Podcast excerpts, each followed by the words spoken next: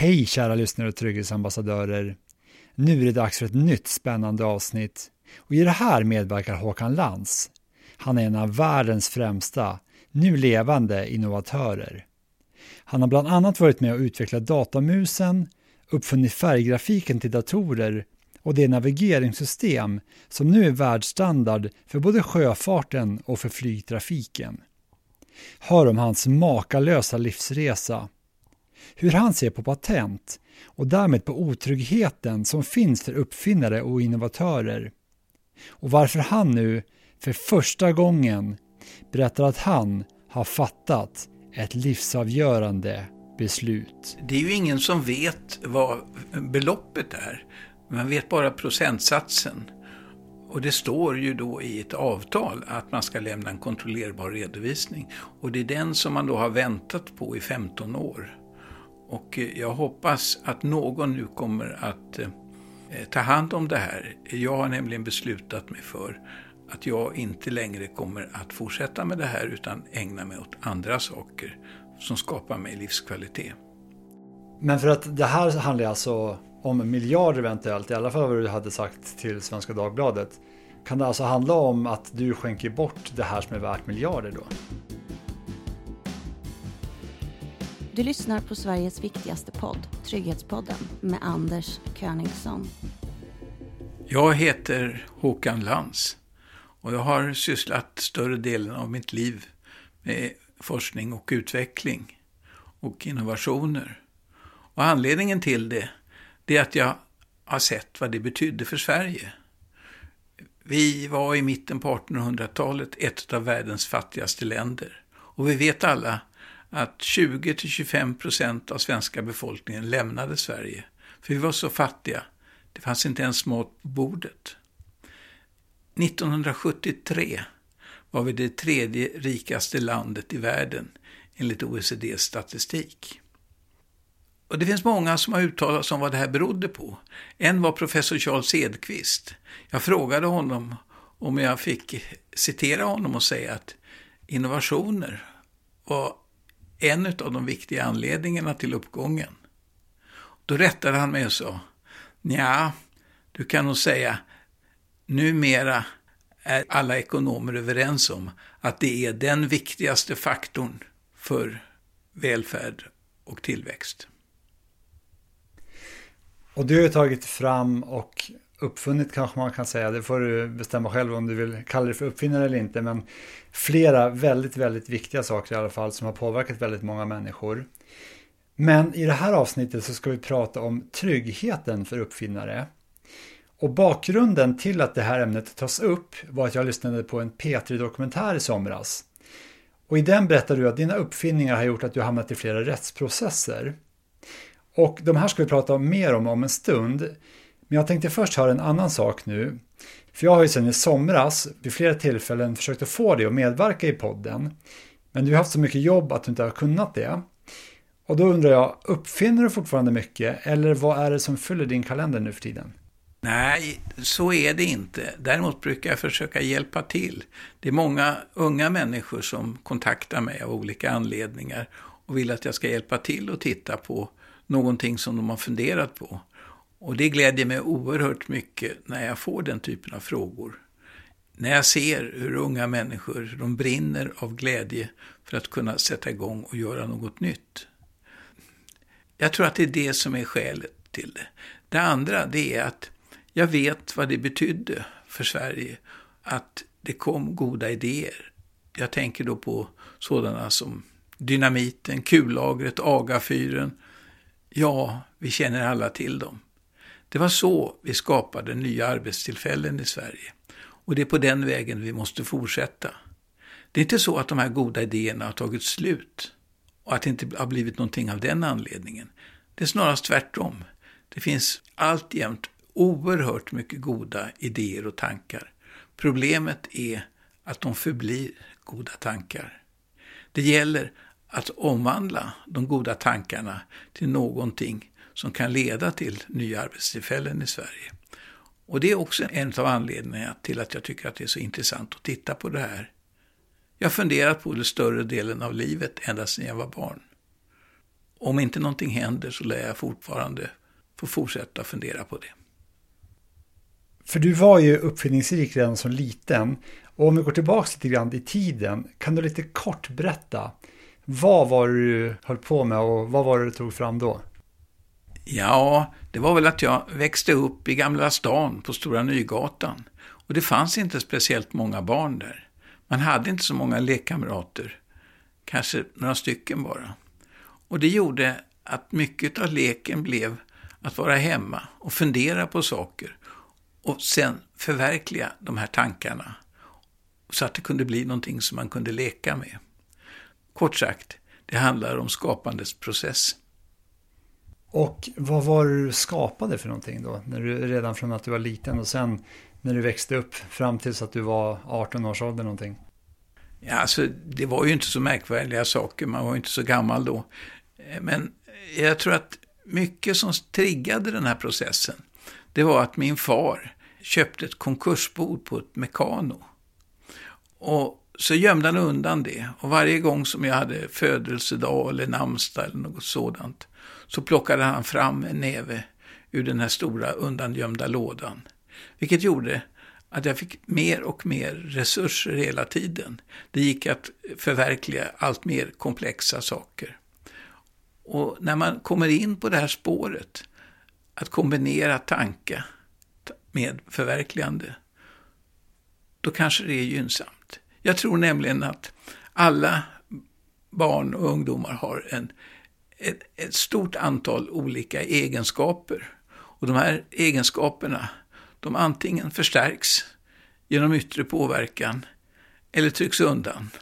Och kan man få de här egenskaperna att tänka ut någonting och sen förverkliga tanken till någonting som är användbart, då har man en god start i livet. Och vad ledde ditt bygge med Mekano till då sen? När man blir belönad själv att man har sett att någonting som man har tänkt ut går att fundera, eller få att fungera, så ligger det nära till hands att ta ett större steg. Och jag var väl ungefär 12 år när man då byggde lådbilar utav gamla barnvagnar. Och så åkte man ner för backarna och det var tävlingar. Så fick jag den vansinniga idén att jag skulle stoppa in en mopedmotor i min lådbil och inte åka ner för backarna utan åka upp för backarna istället. Och det blev en framgång. Bortsett ifrån att när mina kamrater åkte ner för backarna så höll jag på att arbeta febrilt med att få in den här mopedmotorn och få min lådbil fungerande. Men när jag blev färdig i slutet på vårterminen och det gick att åka med min bil puttrande till skolan och när jag kom in på skolgården gasade lite extra så att alla skulle höra att det var en motor i den. Klev ur bilen, tog min väska och gick därifrån. Då samlades alla eleverna i skolan och tittade på lådbilen. Det kändes ganska bra. Att göra någonting som uppskattas av sina kamrater. Det känns alltid bra. Och det leder naturligtvis att man känner att jag kan nog kanske ta ett steg till på den här skalan. Och det blev väl i slutet på tonåren när jag fick för mig, efter att ha sett filmen Den tysta världen av Jacques Cousteau, att jag nog borde bygga en ubåt. Och så blev det. Det blev en ubåt. Och den gjorde jag tillsammans med en kamrat som faktiskt inte bor mer än ett antal hundra meter eller en kilometer härifrån än idag. Vi gjorde det här tillsammans och fick en fungerande ubåt. Och det i sin tur resulterade i ett nästa steg. När jag skulle göra min militärtjänst så hade jag ställt väldigt många frågor till Försvarets forskningsanstalt om detaljer som behövdes till ubåtar, kommunikation, undervattenskommunikation och så vidare. Så att när jag fick min militärtjänst så såg jag till min förtvivlan att det var 18 månaders tjänst.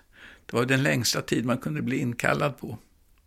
Men när jag kom till i1, där jag skulle göra min tjänst, och hade varit där ett par månader så blev jag uppkallad till regementschefen och sa, han sa till mig, du vet kanske vad jag har för brev här? Nej, sa jag. Jo, de är intresserade av dig på Försvarets forskningsanstalt. Så att om du vill så kan du packa ihop dina grejer och åka till FOA imorgon. Så får du göra dina 18 månader där. Det blev en god start i mitt liv. Och det kanske berodde på det där mekanot. Det kanske berodde på nästa steg, lådbilen. Och det sista steget då, ubåten. Det gäller att göra någonting, att ta ett litet steg i taget och se att det fungerar och att det är tillfredsställande. När man hör dig berätta om de här sakerna så blir man ju väldigt nyfiken på hur du är som person. För jag ser framför mig en sån här professor Baltasar-typ som går och drar i en grej och så startar en massa maskiner och blir massa färger och allting. Var det så att du redan från tidig ålder var en sån här professor Baltasar-typ med en massa idéer där hjärnan kokar av liksom nya idéer och tankar? Och, eller hur är du som person? Nej, alltså jag var nog en, en ganska vanlig pojke. Men min mor, hon tyckte att det var roligt att se om man kunde lära mig saker och ting. Till exempel att läsa. Vilket jag gjorde när jag var fem, sex år. Så lärde hon mig läsa och jag kunde läsa ordentligt. Och det gjorde någonting som man kanske skulle tro var bra. Men när jag kom till första klass i skolan och hade enorma förväntningar på att nu ska jag börja lära mig saker jättesnabbt, jättemycket. Så blev jag besviken. Därför att i skolan så började man vid första klass. A är en apa, B är en boll. Håkan, du kan ta den här boken och gå och sätta dig där nere i hörnan och läsa. Jag tror att det är viktigt att man marscherar i samma takt som sina kamrater. Annars så kan det bli en besvikelse. Och jag kanske önskar att det hade blivit lite annorlunda för mig. Därför att jag gick helt enkelt inte i takt. Och jag tror att det är viktigt att man får gå i takt. Man kanske däremot skulle göra det möjligt att gå i olika hastighet. Genom att man delar upp barnen som fungerar på liknande sätt. Men jag kan inte det här och det är bara en gissning. Men just det här då, hur du är som person, för du har tagit fram flera andra saker också och det ska vi återkomma till. Men är du en sån som har en massa idéer, om du är ute på stan och så ser du någonting som inte fungerar och du tänker, ja men skulle man göra så här, då skulle det kanske fungera bättre. Eller, eller att det bara kommer upp idéer när du vaknar på morgonen. Eller, för jag tror att många lyssnare är nyfikna på liksom, hur det fungerar i din hjärna och hur du tänker. Alltså jag tror att de flesta människor går och tänker på saker som man skulle kunna göra. Men jag brukar säga det att eh, det är bättre att göra en liten idé som blir förverkligad än en stor idé som förblir än bara en idé. Det gäller alltså att göra någonting. Och det är den andra komponenten. Det gäller alltså inte bara att vara intresserad av att tänka ut något nytt, utan det gäller att vara intresserad av att förverkliga det man har tänkt ut, att ta det nästa steg. En god idé som inte blir någonting är en värdelös idé. Så med det sagt, din hjärna kokar inte av fler idéer än andras? Nej, jag, jag, vet inte. Jag vet ju inte vad som de andra tänker på. Men, men, men jag har alltså sett att många människor i min omgivning har väldigt goda idéer. Och en del är ju sådana som man blir lite irriterade på dem. Alltså inte därför att de är bra, utan därför att jag inte kom på dem. Så att jag tycker att vi lever i ett land med en kultur som stimulerar skapandet eller nytänkandet. Men det vi måste göra det är att stimulera nästa steg. Just att gå från en god idé till någonting som går att tillverka och distribuera. Det gäller att vara lite tidigare än andra och lite bättre. Det är då vi får ett framgångsrikt land. Och du har ju alltså, som jag sagt nu, uppfunnit och skapat flera saker som datormusen, färggrafiken och AES-systemet. Kan du kort berätta om de här tre uppfinningarna och hur de kom till och även vad AES-systemet är för någonting? Ja, det kan jag göra alltså. Faktiskt färggrafiken, det var från den tiden när jag var på Försvarets forskningsanstalt. Jag fick min tid delad så att jag var ungefär halva tiden på Stockholms universitet och halva tiden på FOA. Det fanns nämligen ett samarbete mellan universitetet och Försvarets forskningsanstalt. Jag arbetade med geofysik och där tog man upp seismiska profiler som man då började överföra till datorer för att tolka dem. Och jag var aktiv då med utvecklingen av sån programvara. Och då uppstod problemet, hur får man seismiska profiler att överföras till datorn? Och då kom det en idé om att man skulle använda sig av en, eh, ja, man kan säga en tidig version av en datormus. Det var i själva verket en ett stor platta eller ett stort bord där man kunde lägga de här profilerna. Där bordet var alltså ett par meter långt. Och sen kunde man röra en liten markör, alltså som såg ut och fungerade som en datormus. Man pekade på den, man rörde den med handen och det fanns en knapp som man tryckte på när man skulle signalera att man ville mata in ett värde. Och det var FOA också intresserad av.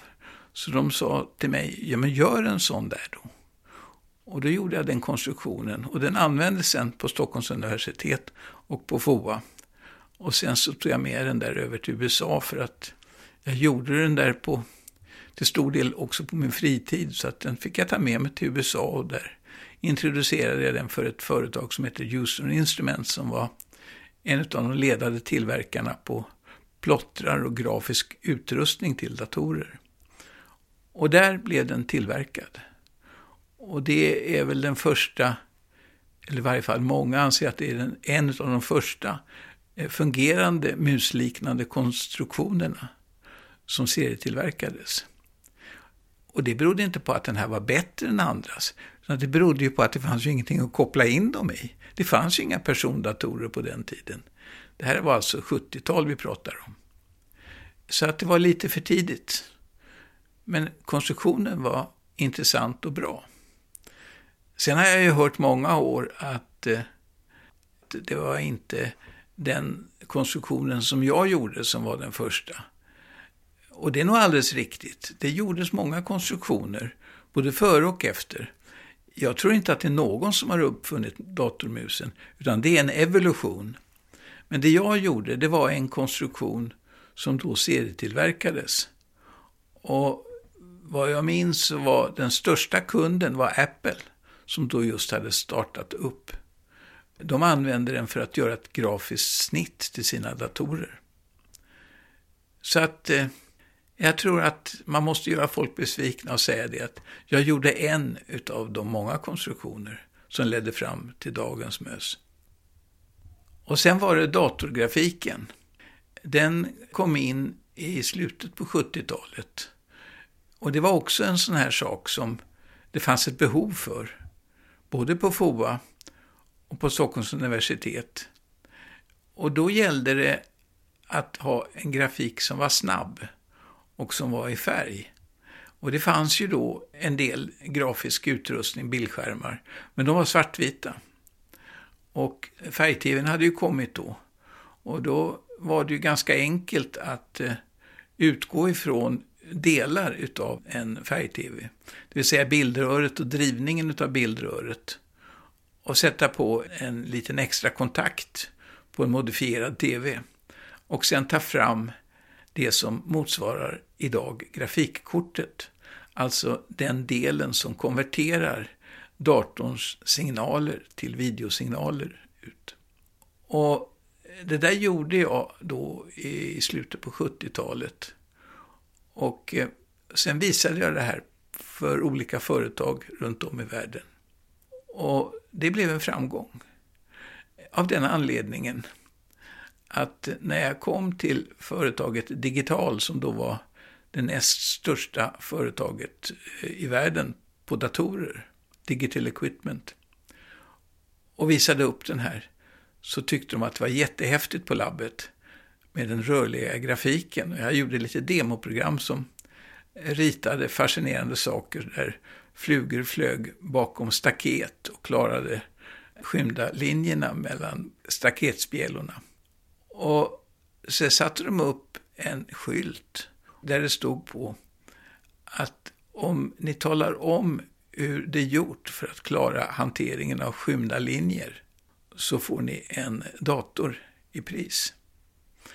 Och det där gjorde att det kom väldigt mycket folk och tittade på den här. Och alla funderade på vad det var för matematik och vad det var för algoritmer som fanns bakom det här. Men det fanns ingen algoritmer och det fanns ingen programvara. Det var gjort i hårdvara. Och det resulterade i att när jag skulle åka hem från digital så fick jag den datorn som var utsatt som pris. Och den står än idag uppe i mitt garage här. Så att kanske på ålderns höst så kommer jag ta fram den där och se om jag kommer ihåg någonting när man körde digitaldatorer. Det var en PDP 1173. 73 som då var jättehäftig dator som man inte kunde köpa som privatperson. Om man inte hade väldigt mycket pengar, vilket jag inte hade. Men det gav en lärdom att få börja på ett tidigt stadium och köra. Och det var ju då ett timesharing-system som man körde i den datorn. Vilket gjorde att man kunde sätta upp flera terminaler hemma, så man kunde gå runt och sätta sig ner vid olika terminaler och skriva. Det fanns inga mer användare än jag på den. Jag var single user på en multi-user-dator. Och sen var det AES-systemet du frågade om. Ja, det berodde alltså på att jag läste en artikel om ett nytt satellitnavigeringssystem. Och det där fascinerade mig. Och då började man ju naturligtvis att fundera, vilket jag gjorde min kollega, om man kunde göra något större system av det här. För satellitnavigering, det ger ju dig din egen position globalt. Utan några inställningar så får du longitud och latitud. Med en oerhört stor noggrannhet. Det handlar alltså om ett antal meter i noggrannhet. Och då var det ganska självklart att om man kunde åstadkomma en datalänk där man kunde skicka sin position som ett broadcastmeddelande, det vill säga inte till någon speciell utan som alla kunde ta emot. Om alla kunde ta emot min position tillsammans med min identitet.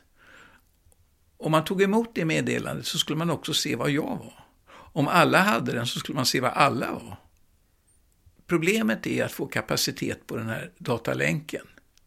Och det här AES-systemet är egentligen inte ett navigeringssystem, utan det är ett sätt att åstadkomma kapacitet på en, en enda radiofrekvens.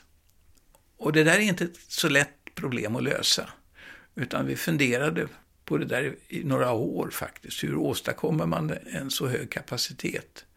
Sen uppstod en idé som var ganska fascinerande. Och det här resulterade i att eh, vi tog initiativ till att starta ett projekt med så kallat venture capital från utlandet, alltså riskvilligt kapital. Och jag hade arbetat tillsammans med det här investmentföretaget under lång tid. Så jag åtog mig att åka iväg till det landet, vilket jag gjorde. De kände ju mig väl och visste vad jag hade gjort och hur jag arbetade. Och när jag kom dit så på förmiddagen så gjorde jag en kort presentation. Jag hade en idé om hur man skulle åstadkomma kapacitet på en radiolänk. Och eh, om den idén håller så kan man göra system både för luftfarten och sjöfarten och även landtransporter. Alla har ju problemet att få kapacitet. Och när jag hade berättat det här så säger de att ja, du får gå ut och sätta dig och ta en kopp kaffe så ska vi diskutera lite internt. Och jag hade ju tagit med mig mycket som man då hade overheadbilder. Så jag skulle ju då kunna beskriva exakt hur det här skulle fungera. Så jag gick ut och fick min kaffekopp och drack kaffe. Och det dröjde väl tio minuter, en kvart, så öppnades dörren. Och sa, du kan komma in nu, nu har vi pratat om det här. Och då tänkte jag det, jaha, alltså, mer än så intresserade var de inte. Och när jag kom in så sa de, jo då, vi har ett beslut nu. Vi är beredda att satsa på det här projektet. Och jag hade då givit en beräkning hur mycket det skulle kosta. Ungefär 100 miljoner kronor behövdes. För vi behövde ju plocka ihop ett internationellt team som både kunde ta hand om dataprotokollen med satelliterna och utveckla den här datalänken och göra infrastrukturen till det här.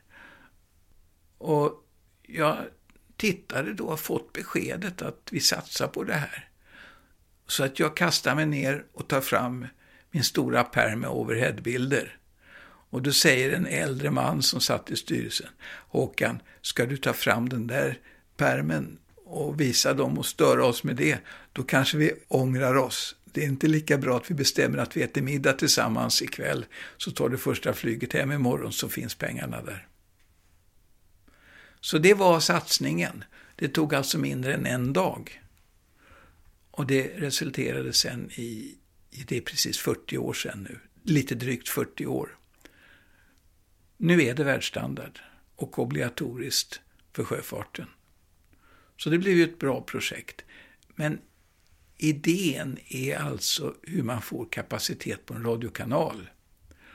Och det finns då en, en filosofi som är inte trivial, utan att visa hur den här teorin fungerar måste göras med simuleringar.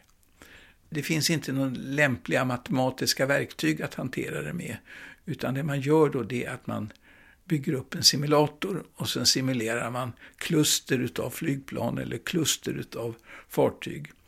Och hur fartyg eller flygplan rör sig mellan de här klustren och hur de ska byta tidsluckor på ett automatiskt sätt så att man får upp kapaciteten, det vill säga att flera kan sända samtidigt. Man har ju de facto den exakta positionen på varje användare. Och vet man var varje användare befinner sig exakt så kan man också beräkna avståndet emellan dem och därmed signalstyrkan och hur signalerna kan diskriminera varandra så att flera kan sända samtidigt i samma tidsluckor i ett TDMA-system.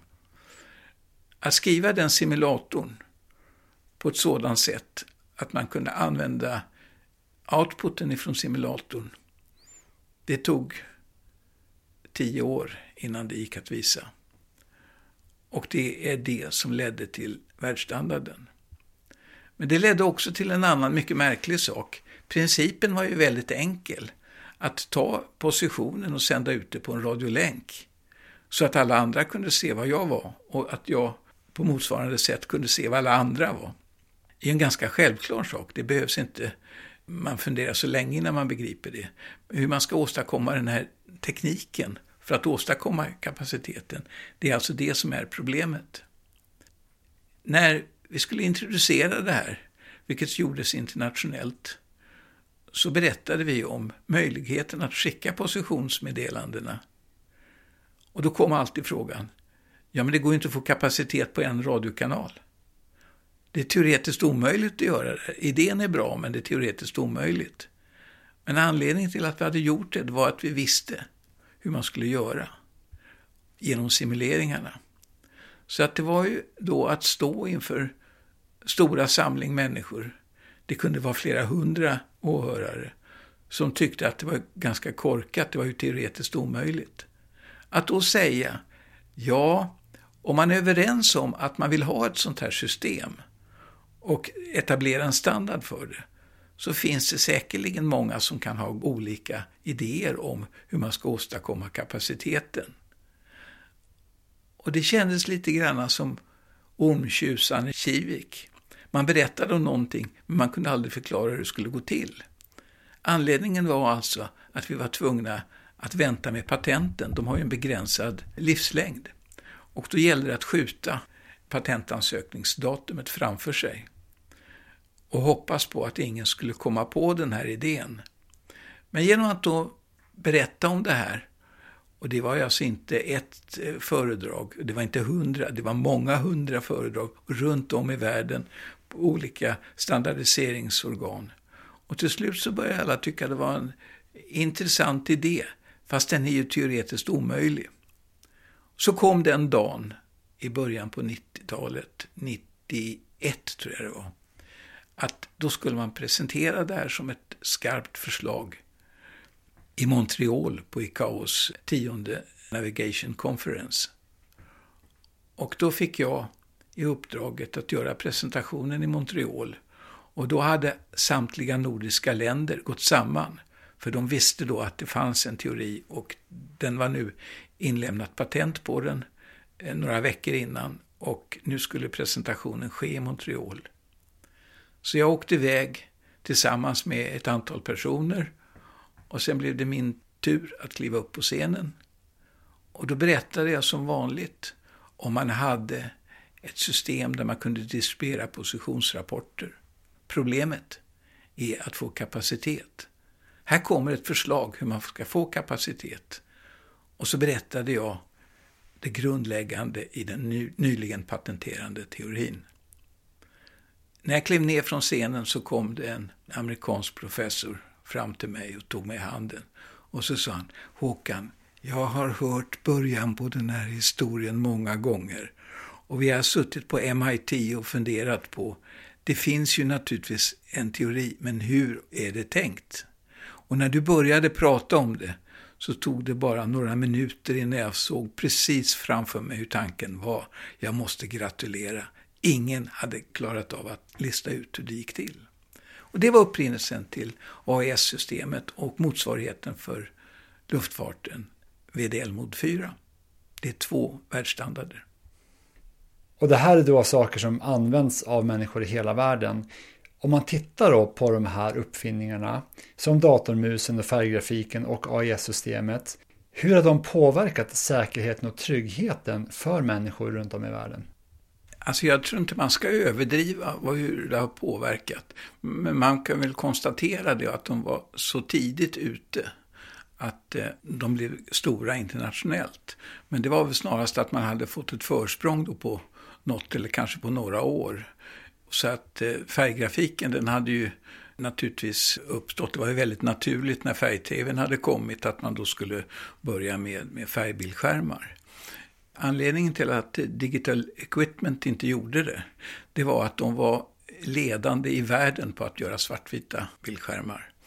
Och eh, rent logiskt, varför ska man byta från svartvita om man är bäst till färg som det blir en ny inkörningsperiod i? Så att de tackade nej till det.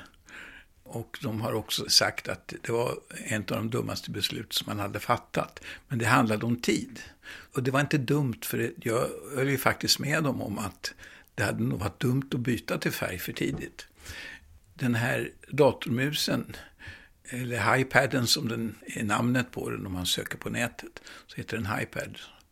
Den var ju också för tidigt, beroende på att eh, när den gjordes så fanns inte persondatorn. Och det var ju först när persondatorn kom som det började bli stor marknad och folk började använda den som pekton. Så att jag tror att det där hade säkerligen gjorts av andra också, men det bara, de var tidiga. Vad det gäller AES-systemet så är det lite annorlunda, därför att själva problemet att distribuera positionsrapporten som kommer från satellitnavigering, den är ju väldigt, väldigt enkel. Det, det tror jag många har kommit på. Men det som var unikt med den, det var datalänkslösningen för att få kapaciteten. Det var det som var själva innovationen. Och det var den som tog tid att göra. Men det var också det som EU-kommissionen satsade alltså 200 miljoner euro för att lägga ut ett uppdrag som gjordes av ett eh, brittiskt eh, vetenskapligt analysföretag som då validerade teorin, vilket då måste till för att man ska kunna lägga fram det som ett förslag till en världsstandard. Det är alltså 2 miljarder kronor. Det motsvarar ungefär 2000 manår att kontrollräkna det som vi hade gjort. Det känns ju som en liten glädjebit i att ha gjort den biten. Och jag kommer ihåg alltså en episod som inträffade. Jag fick ett brev ifrån England och blev bjuden på middag i Guildhall. Det var en sån här med tail, alltså frackmiddag i Guildhall. Och jag läste den där, Vad kul, alltså en inbjudan där. Det skulle vara häftigt att komma till Guildhall på frackmiddag. Men tyvärr så skulle jag hålla ett föredrag i Washington samtidigt. Så att jag slängde den här inbjudan i papperskorgen. För jag trodde det var ett massutskick på något sätt. Och efter ett, någon vecka så ringde de mig och frågade om jag hade fått den här inbjudan. Ja, sa jag, jag har fått inbjudan, tack så mycket. Men tyvärr så ska jag vara i Washington och hålla föredrag då, så att tyvärr så kan jag inte komma. Och så var det samtalet slut. Så ringde det, dröjde det ett par dagar så ringde de igen och frågade om jag hade någon vän som jag ville överlåta inbjudan till. Jo, det har jag ju.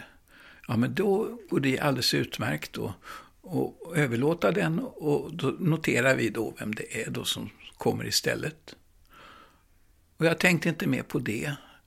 Och jag överlämnade den till en person som satt i Luftfartsverkets styrelse som tyckte det skulle vara jättehäftigt att åka till London och, och äta middag i Guildhall. Och då stod det också att kungligheterna skulle vara närvarande. Jättehäftigt. Och jag åkte till Washington och jag skulle hålla ett föredrag. Och jag skulle hålla det första dagen i öppningen. Det var jag ganska stolt över att jag hade fått en placering på första dagen i början. Och sen när konferensen skulle börja så meddelade ordföranden att de hade gjort lite ändringar i programmet. Och eh, sen så hade de lagt ut den nya listan. Och där var jag flyttad till sist istället. Eller slutet på andra dagen.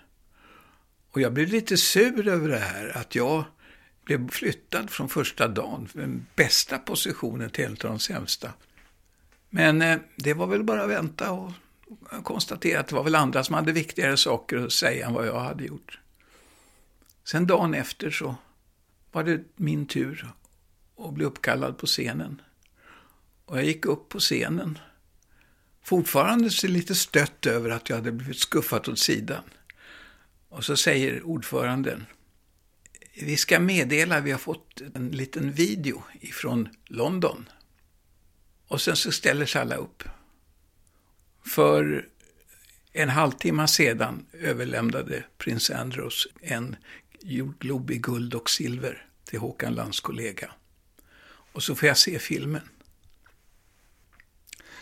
Alltså, det var ju... det var otroligt liksom att man hade flyttat mig bakåt för att kunna skicka över en video. Och där står prins Andrews och lämnar över det till min kollega som står där i frack och tar emot den här jordgloben som nu står hemma hos mig. Och det känns ju bra att ha gjort någonting.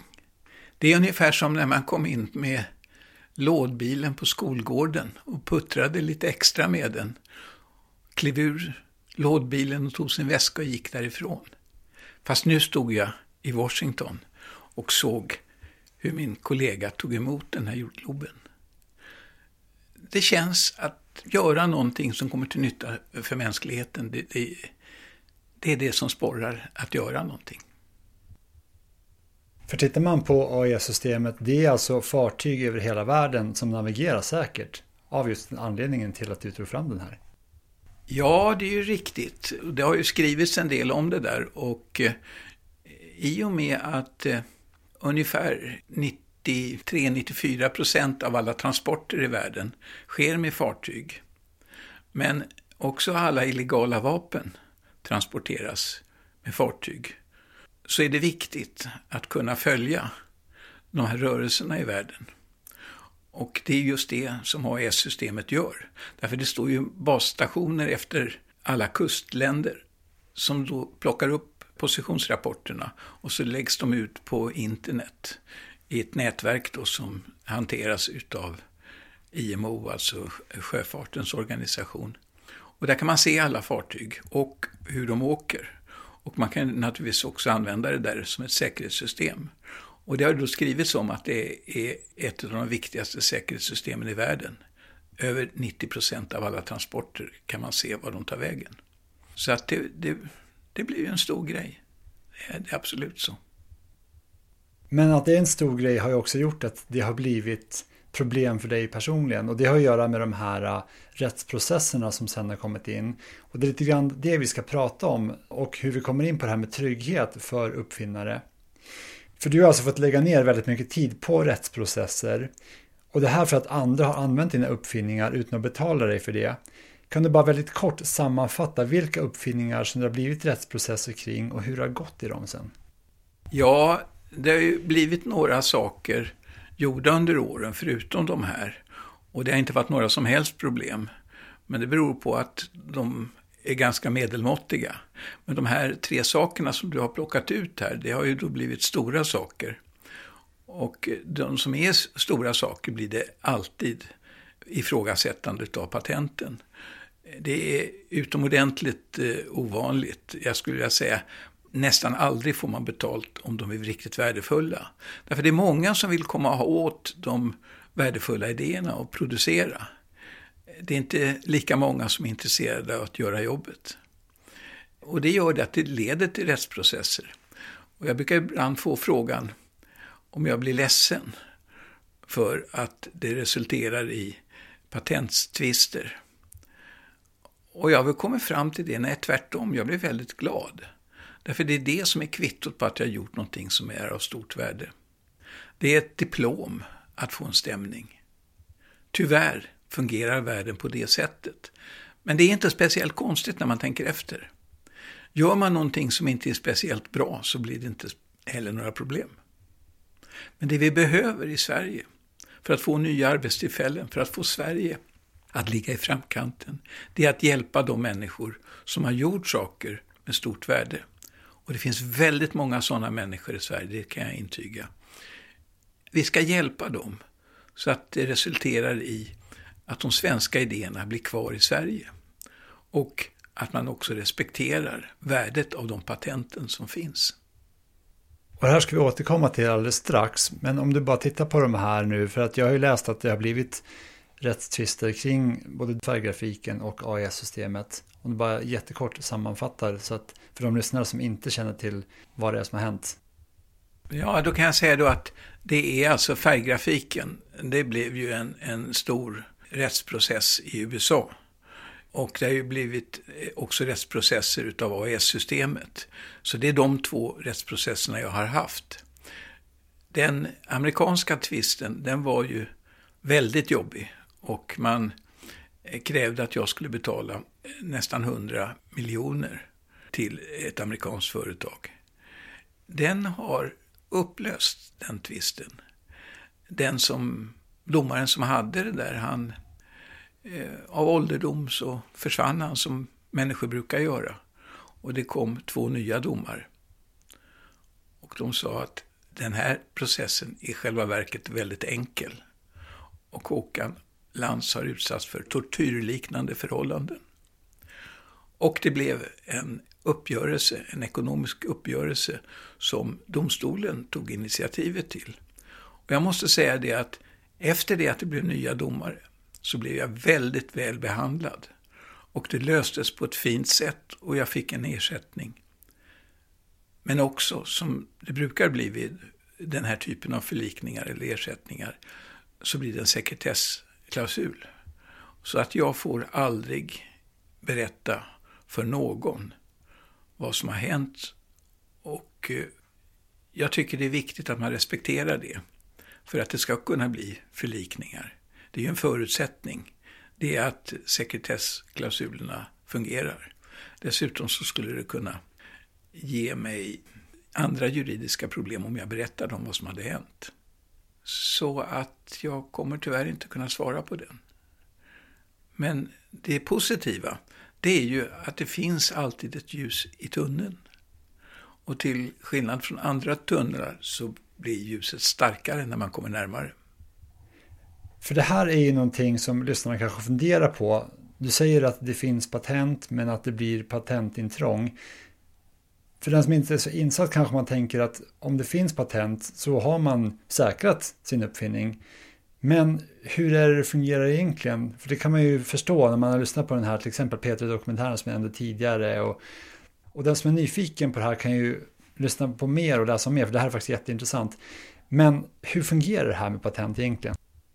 Ja, det du påtalar nu är ytterst viktigt och det tyvärr så är det mycket desinformation kring de här sakerna.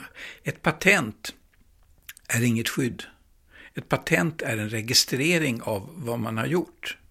När man har fått ett patent, då är det dokumenterat vid vilken dag som man hade den här idén och publicerade den i form av ett patent.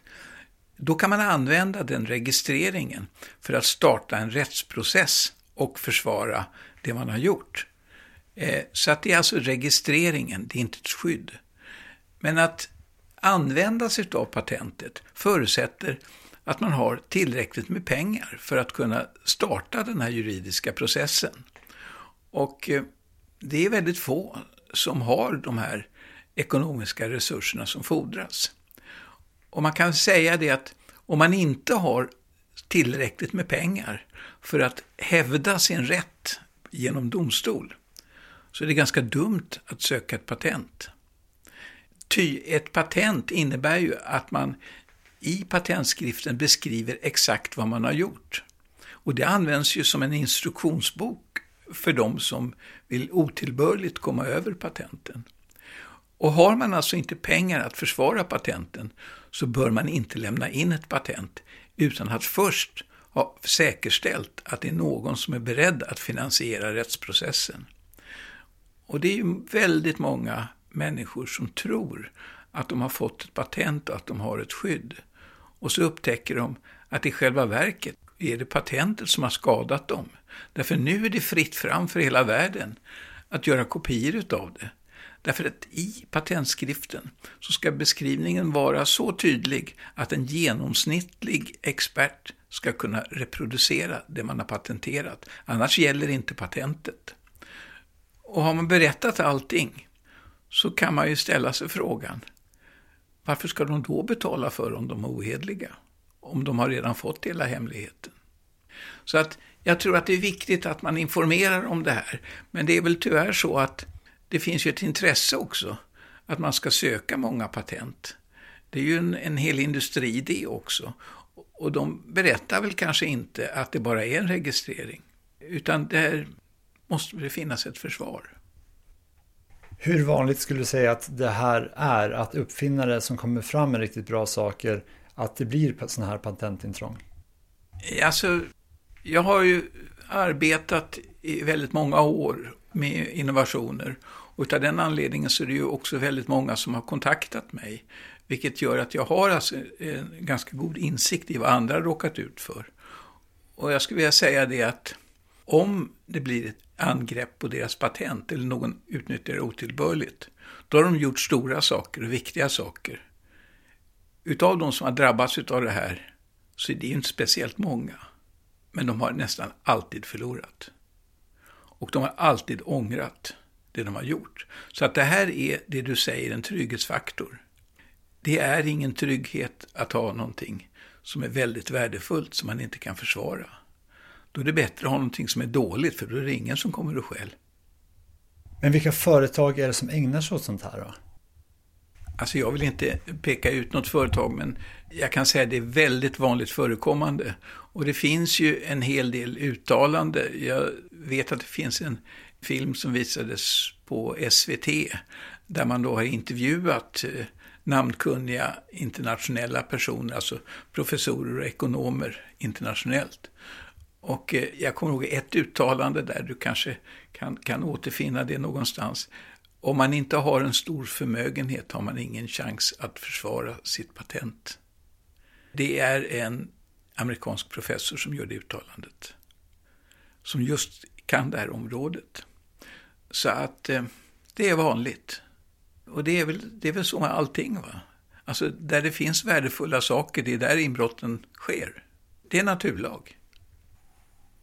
Att det här pågår då, hur påverkar det innovationsklimatet i Sverige? Ja, alltså jag har ju upptäckt under åren att det är fler och fler som är väldigt observanta på det här.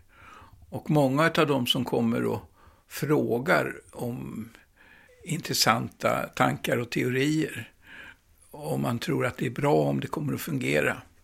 Och jag blir alltså häpen över hur mycket kunniga människor det finns. Och hur mycket goda idéer det finns. Och jag brukar alltid försöka uppmuntra dem till att gå till, från idé till någonting som kommer till gagn och nytta för mänskligheten. Och jag har ju upptäckt att under de senaste decennierna så är det ju allt fler som har kommit till insikt med att det är bättre att börja med något annat utvecklingsprojekt. Speciellt om man har ett arbete, kanske arbetar på ett universitet som forskare. Det är ett bättre liv att kunna sätta igång och utveckla något nytt än att ge sig in i någonting som statistiskt sett alltid resulterar i sämre livskvalitet i form av rättsprocesser. Så att eh, det är inte många av de goda idéerna som blir förverkligade. Och vad leder det då till i längden när man tittar på tillväxten för nya företag och skapa nya arbetstillfällen i Sverige? Alltså det är ju, det gäller ju för Sverige att vara lite bättre och lite tidigare än omvärlden och att det stannar i Sverige och leder till produktion i Sverige. Så att jag ser det här, inte bara jag, utan många ekonomer anser att det här är en av de viktigaste frågorna som man borde ta tag i. Och att en erinran om att det var faktiskt så vi gjorde, att vi gick från ett av de fattigaste länderna i världen 1850 till det tredje rikaste landet i världen. Du är ju uppenbarligen insatt i de här frågorna. Har du en uppfattning hur mycket skatteintäkter som årligen går förlorat i det här? Att sådana här bra idéer och uppfinningar, att det otillåtet används? Alltså, jag tycker frågan ska ställas till någon som är expert på nationalekonomi. Men helt klart är att det är väldigt stora belopp. Och eftersom det är väldigt ovanligt att man förverkligar det hela så är det väldigt svårt att göra statistik också. Man, man inser helt enkelt att man har inte en chans att, att försvara sig. Och som sagt, jag, jag tycker det var väldigt bra med de här uttalandena som gjordes av utländska experter. Det här är inte ett, ett nationellt problem i Sverige, utan det här är ett välkänt faktum. Det är klart, man pratar inte så mycket om det, Speciellt inte de som är intresserade av att stjäla, de vill ju inte att man pratar om det här. Utan de vill ju att man istället inte ska ha möjligheter att försvara, eller att det ska bli straff utav det. Så att eh, jag bollar frågan vidare till de som är nationalekonomer. Den här otryggheten då för uppfinnare att patent kan stjälas eller användas otillåtet av stora företag. Kan det drabba alla andra medborgare i landet och i så fall hur?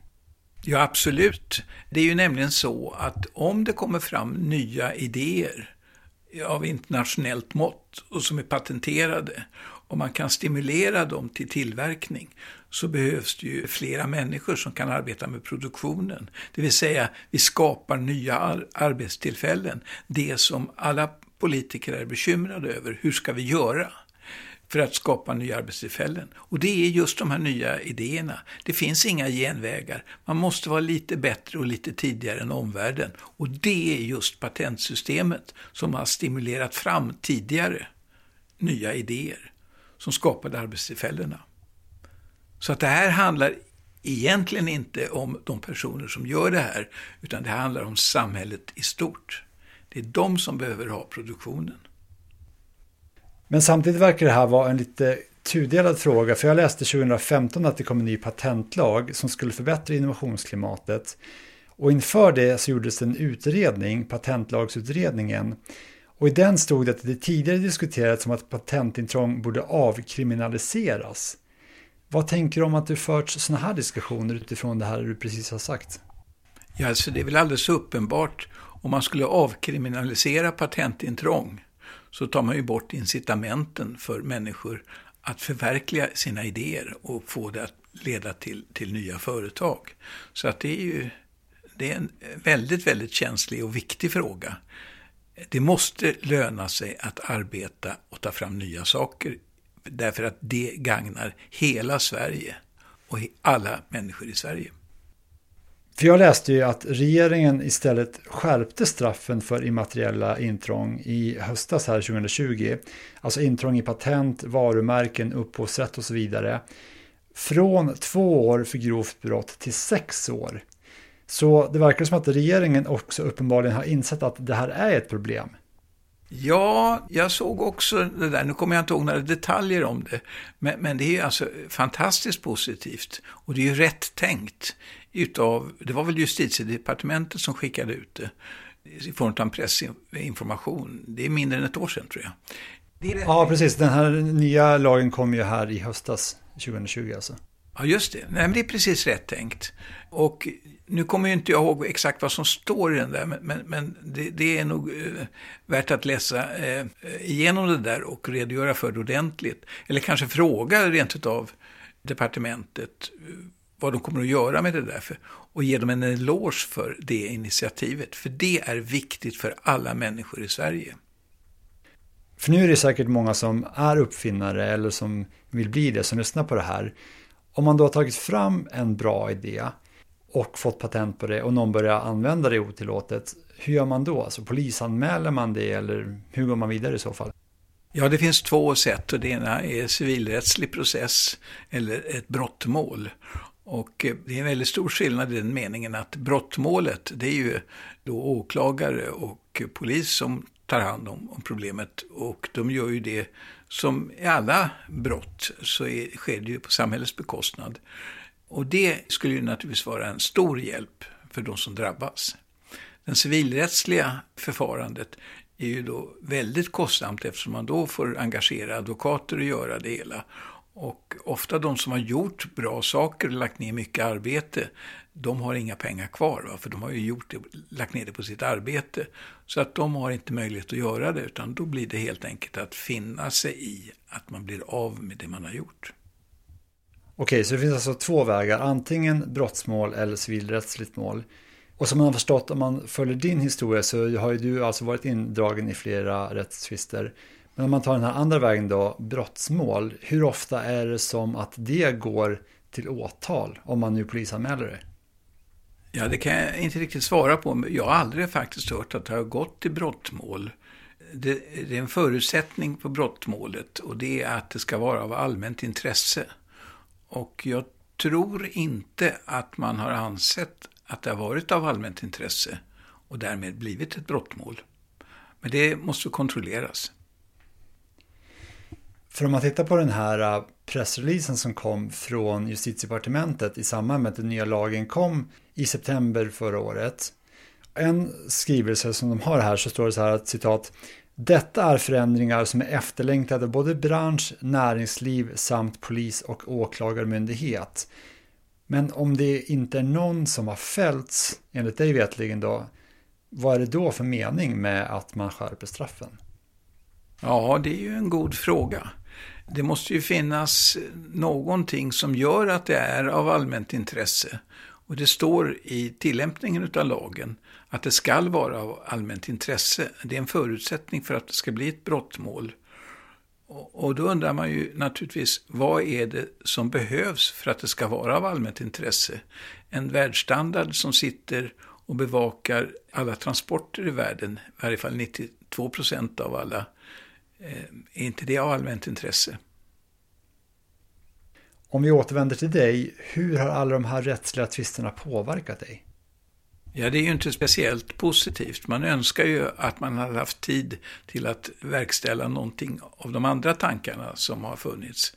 Man har haft en tid i livet när man har lagt upp en plan för kommande projekt. Och tyvärr så kan man inte göra allt. Det man ville göra, eller det jag ville göra, det var att eh, förverkliga idéer. Och de idéerna har ju tyvärr resulterat i att de har överförts till andra som nu arbetar med det. Så finns det idéer till uppfinningar som du har haft som du har valt att inte förverkliga på grund av de här rättsprocesserna? Ja, så är det. Och det är väl kanske en av de saker som jag hade hoppats mest på. Men det tar ju tid. Det handlar om ett decennium eller mer att göra någonting. Och det kan man inte påbörja, så att de är tyvärr överlämnade till andra. Men jag är ju glad att jag får vara med och se vad som pågår istället. För du har ändå skänkt världen flera stora saker. Så att det här kommer ändå att någonstans gå vidare så att det kommer kanske mänskligheten till gagn i alla fall, även om inte det är du som kommer göra det. Ja, det hoppas jag ju, men det blir ju inte i Sverige då, utan det görs utomlands. Så Sverige går miste om de här eventuella skatteintäkterna och eventuella jobben och så kanske då? Ja, det får väl var och en bilda sig en uppfattning, för det är ju bara en bedömningsfråga nu. Men det kommer i alla fall inte att ske i Sverige. Du är inne lite grann på det här med att det kanske inte känns som någon idé att gå vidare med en uppfinning om man har en god idé. Men samtidigt hörde jag att du fick ju frågan när du var med i en annan podd om hur mycket du har fått i de här flikningarna. Till exempel det här med färggrafiken och så. Och då ville du inte svara på det på grund av sekretess. Men du sa någonting i stil med att om det skulle vara glass så skulle du aldrig orka äta upp den här glassen oavsett om du åt glass resten av livet. Och då tänker jag så här att är det inte värt ändå då att uppfinna någonting och ta den striden? För det verkar ändå som att man kan tjäna pengar på det här. Ja, så det beror ju på vad man har för målsättning i livet. Jag brukar säga att jag har aldrig haft som målsättning att bli rikast på kyrkogården. Jag är nöjd med att vara rikast i raden, eller i varje fall rikare än grabbarna i lådan intill, för de är ju så tråkiga. Och jag tror att många har den uppfattningen, att det, det handlar om livskvalitet ytterst. Och att hålla på med tvister, och människor som vill komma över det andra har gjort, det är inte speciellt positivt. Men å andra sidan sett så är det ju viktigt att någon tar tag i det här. Man måste ju visa att man inte bara lämnar ifrån sig saker och ting utan att försöka göra någonting åt det. För vad jag har förstått när jag har läst om dig så har du ju löst de här tvisterna som har varit med färggrafik nu det. Men det finns alltså kvar en tvist och det är den med Saab gällande AES-systemet. Och det här pratade du också om när du var med i Malou von Sivers i TV4, stämmer det? Ja, det är riktigt. Jag vet inte om det är tvist, utan det finns ju ett avtal där det står att man ska lämna en kontrollerbar redovisning. Och någon sådan redovisning har inte lämnats enligt avtalet. Och jag utgår ifrån att eh, de flesta vill, anser att man ska följa avtal. För det här var alltså en, en skiljedom som kom 2016 och jag har läst att ni hade olika uppfattningar om vem som var vinnare i den här skiljedomen. Men att den bland annat innebar att du skulle få 10% i royalties. Och i en intervju med Svenska Dagbladet så sa du att det handlar om miljarder. Har du fått de här pengarna av Saab? Nej, alltså det är ju ingen som vet vad beloppet är. Man vet bara procentsatsen. Och det står ju då i ett avtal att man ska lämna en kontrollerbar redovisning. Och det är den som man då har väntat på i 15 år.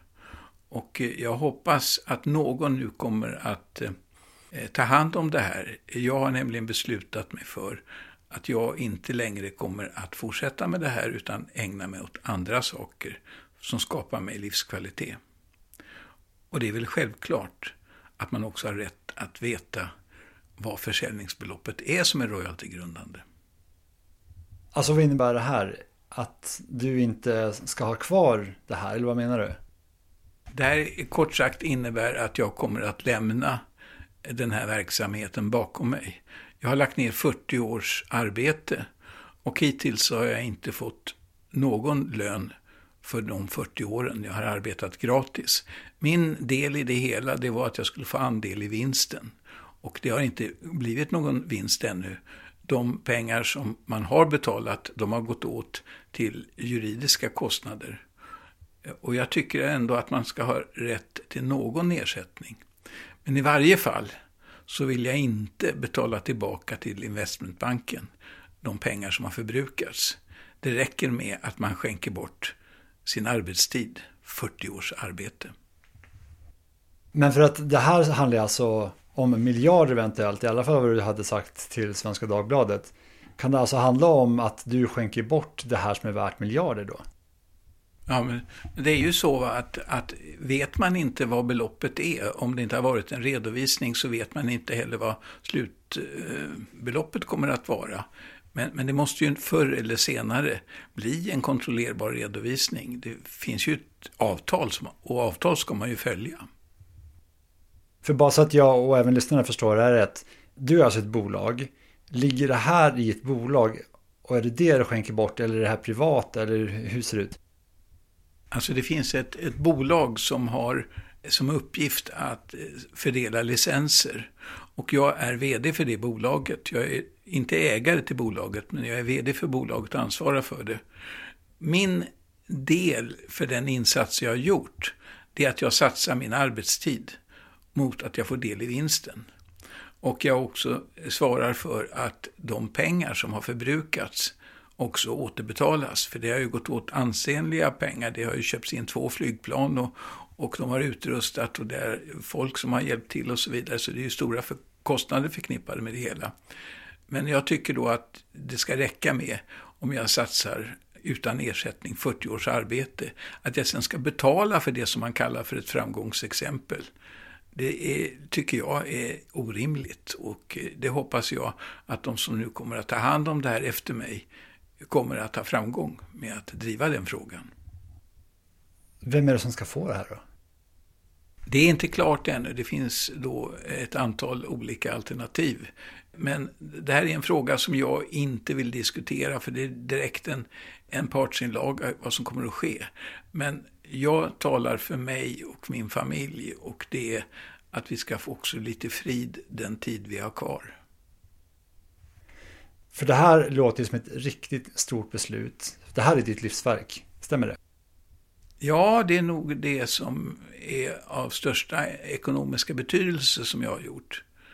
Och eh, det är väl egentligen det vi har pratat om, att eh, patent är inget skydd, det är en registrering. Och den registreringen, den måste man använda för att i en rättsprocess få rätt. Och jag tycker att jag ska använda min kunskap som tekniker och forskare. Jag vill använda min kunskap, jag vill till att skapa nya saker. Och sen får andra människor som är specialiserade på att, att lösa tvister eh, sköta den biten. För det här låter ju som en riktigt stor sak. Alltså att du skänker bort egentligen hela ditt livsverk, som jag förstår det. Alltså har du berättat om det här förut? Nej, det är inte berättat om, men det kommer att, att ske på ett eller annat sätt. Men det är en sak som är helt klart. Och det är att jag kommer inte att fortsätta med det, utan det kommer att bli någon annan som får ta hand om det.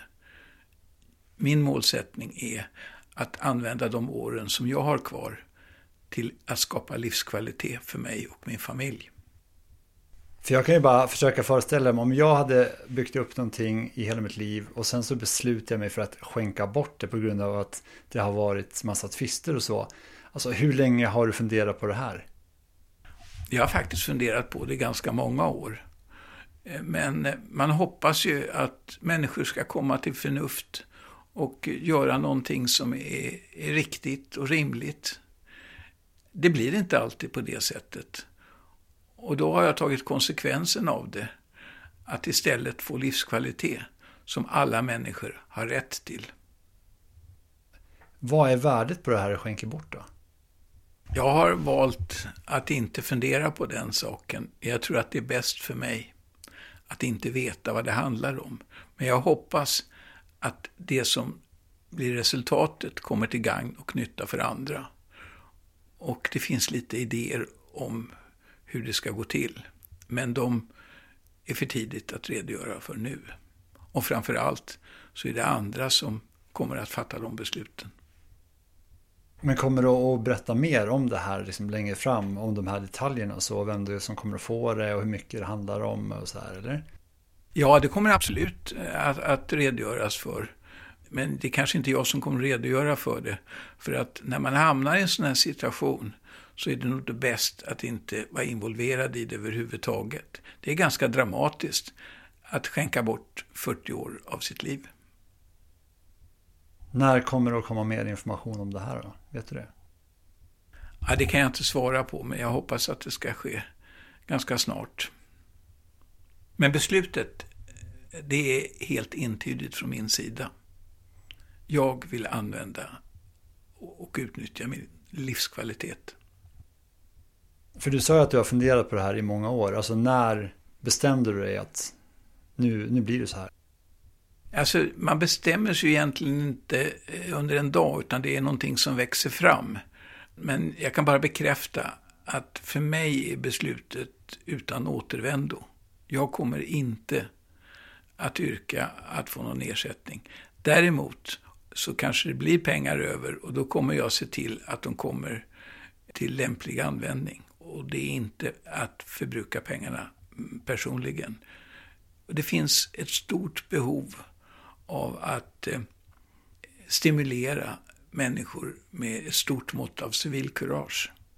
Det kanske till, till och med är så att det gärna skulle finnas ett pris för de människor som ställer sig upp för civilkurage. Det är inte helt gratis att säga vad man tänker och tycker. Så det låter som att du har tankarna på ett Håkan Landspris? Nej, de, det får vara uppkallat efter vem som helst, men, men resultatet kanske blir det. Det vore faktiskt väldigt positivt för mig att, att veta. Man kanske till och med skulle kunna bli bjuden på middag en gång om året. Och bli en konkurrent till Nobelpriset? Nej, det blir det inte, men det vore en, en god tanke. Att veta att man lyfter fram det här. Jag tycker, är det inte en brist att vi inte har ett pris för civilkurage? Folk som säger vad de tycker. Ja, det här är, alltså jag blir helt så här, wow, det här är ju en riktigt stor sak. Och det finns, egentligen skulle kunna prata om det här i flera timmar till. Ehm, det är inte varje dag som man pratar med någon som berättar att de ska skänka bort hela sitt livsverk. Ehm, men för att det ska inte bli allt för långt det här avsnittet, ehm, så vi skulle kunna prata om det här i flera timmar till, men vi ska faktiskt börja runda av. Så jag ska gå tillbaks till de frågorna som jag tänkte avsluta med här nu. Och det är lite grann det här som vi har pratat om tidigare. Det här om man är uppfinnare och har en bra idé och vill göra någonting av den. Vad skulle du vilja ge för råd då till den som lyssnar på det här och som har det? Ja, jag har en bestämd uppfattning. Men jag kanske inte vill uttrycka den uppfattningen. Eh, men det är min förhoppning att de här goda idéerna som finns, som finns i överflöd skulle jag vilja säga, att de också kommer Sverige och svenska folket till godo. Att man säger att det inte är av allmänt intresse. Det håller jag inte med om. Därför det berör hela Sverige. Det är ju det vi söker nya arbetstillfällen som är positiva och som kan resultera i en lönsam export ifrån vårt land. Det är verkligen någonting som berör alla människor. Men vad tycker du behöver göras då utifrån det här du har berättat nu som drabbar andra och som kanske framförallt har drabbat dig också. Vad behöver göras för att skydda uppfinningar och uppfinnare så att de ska ha trygghet? Ja, så man kan väl göra det lite bredare och säga de goda idéerna som har uppstått. Att vi fortsätter på den vägen som vi var då från 1850. Att ta fram nya saker som kan skapa ett behov runt om i världen så det leder till export. Och så tycker jag också att det som du refererade till här, den här informationen ifrån departementet, att den också kommer att utnyttjas. Att det kommer att resultera i att potentiellt mm, intrångsgörare kan dömas upp till sex års fängelse. Jag tror det är viktigt. Ett brott utan straff, det är nog allt för många som uppfattar det som en inbjudan till att ta för sig av det man vill ha. Avslutningsvis då, utifrån det här du har sagt nu, vad skulle du vilja säga till de politiker och andra beslutsfattare som lyssnar på det här angående det här med skyddet för uppfinningar, uppfinnare eller goda idéer? Ja, jag tycker att det som, som du har visat mig här är väldigt goda förslag. Och jag hoppas nu att man på politisk nivå och högsta nivå sätter kraft bakom orden. Man måste visa att man inte accepterar att man tar det andra har skapat. Du har hört ett avsnitt av Trygghetspodden. Fler avsnitt finns på trygghetspodden.se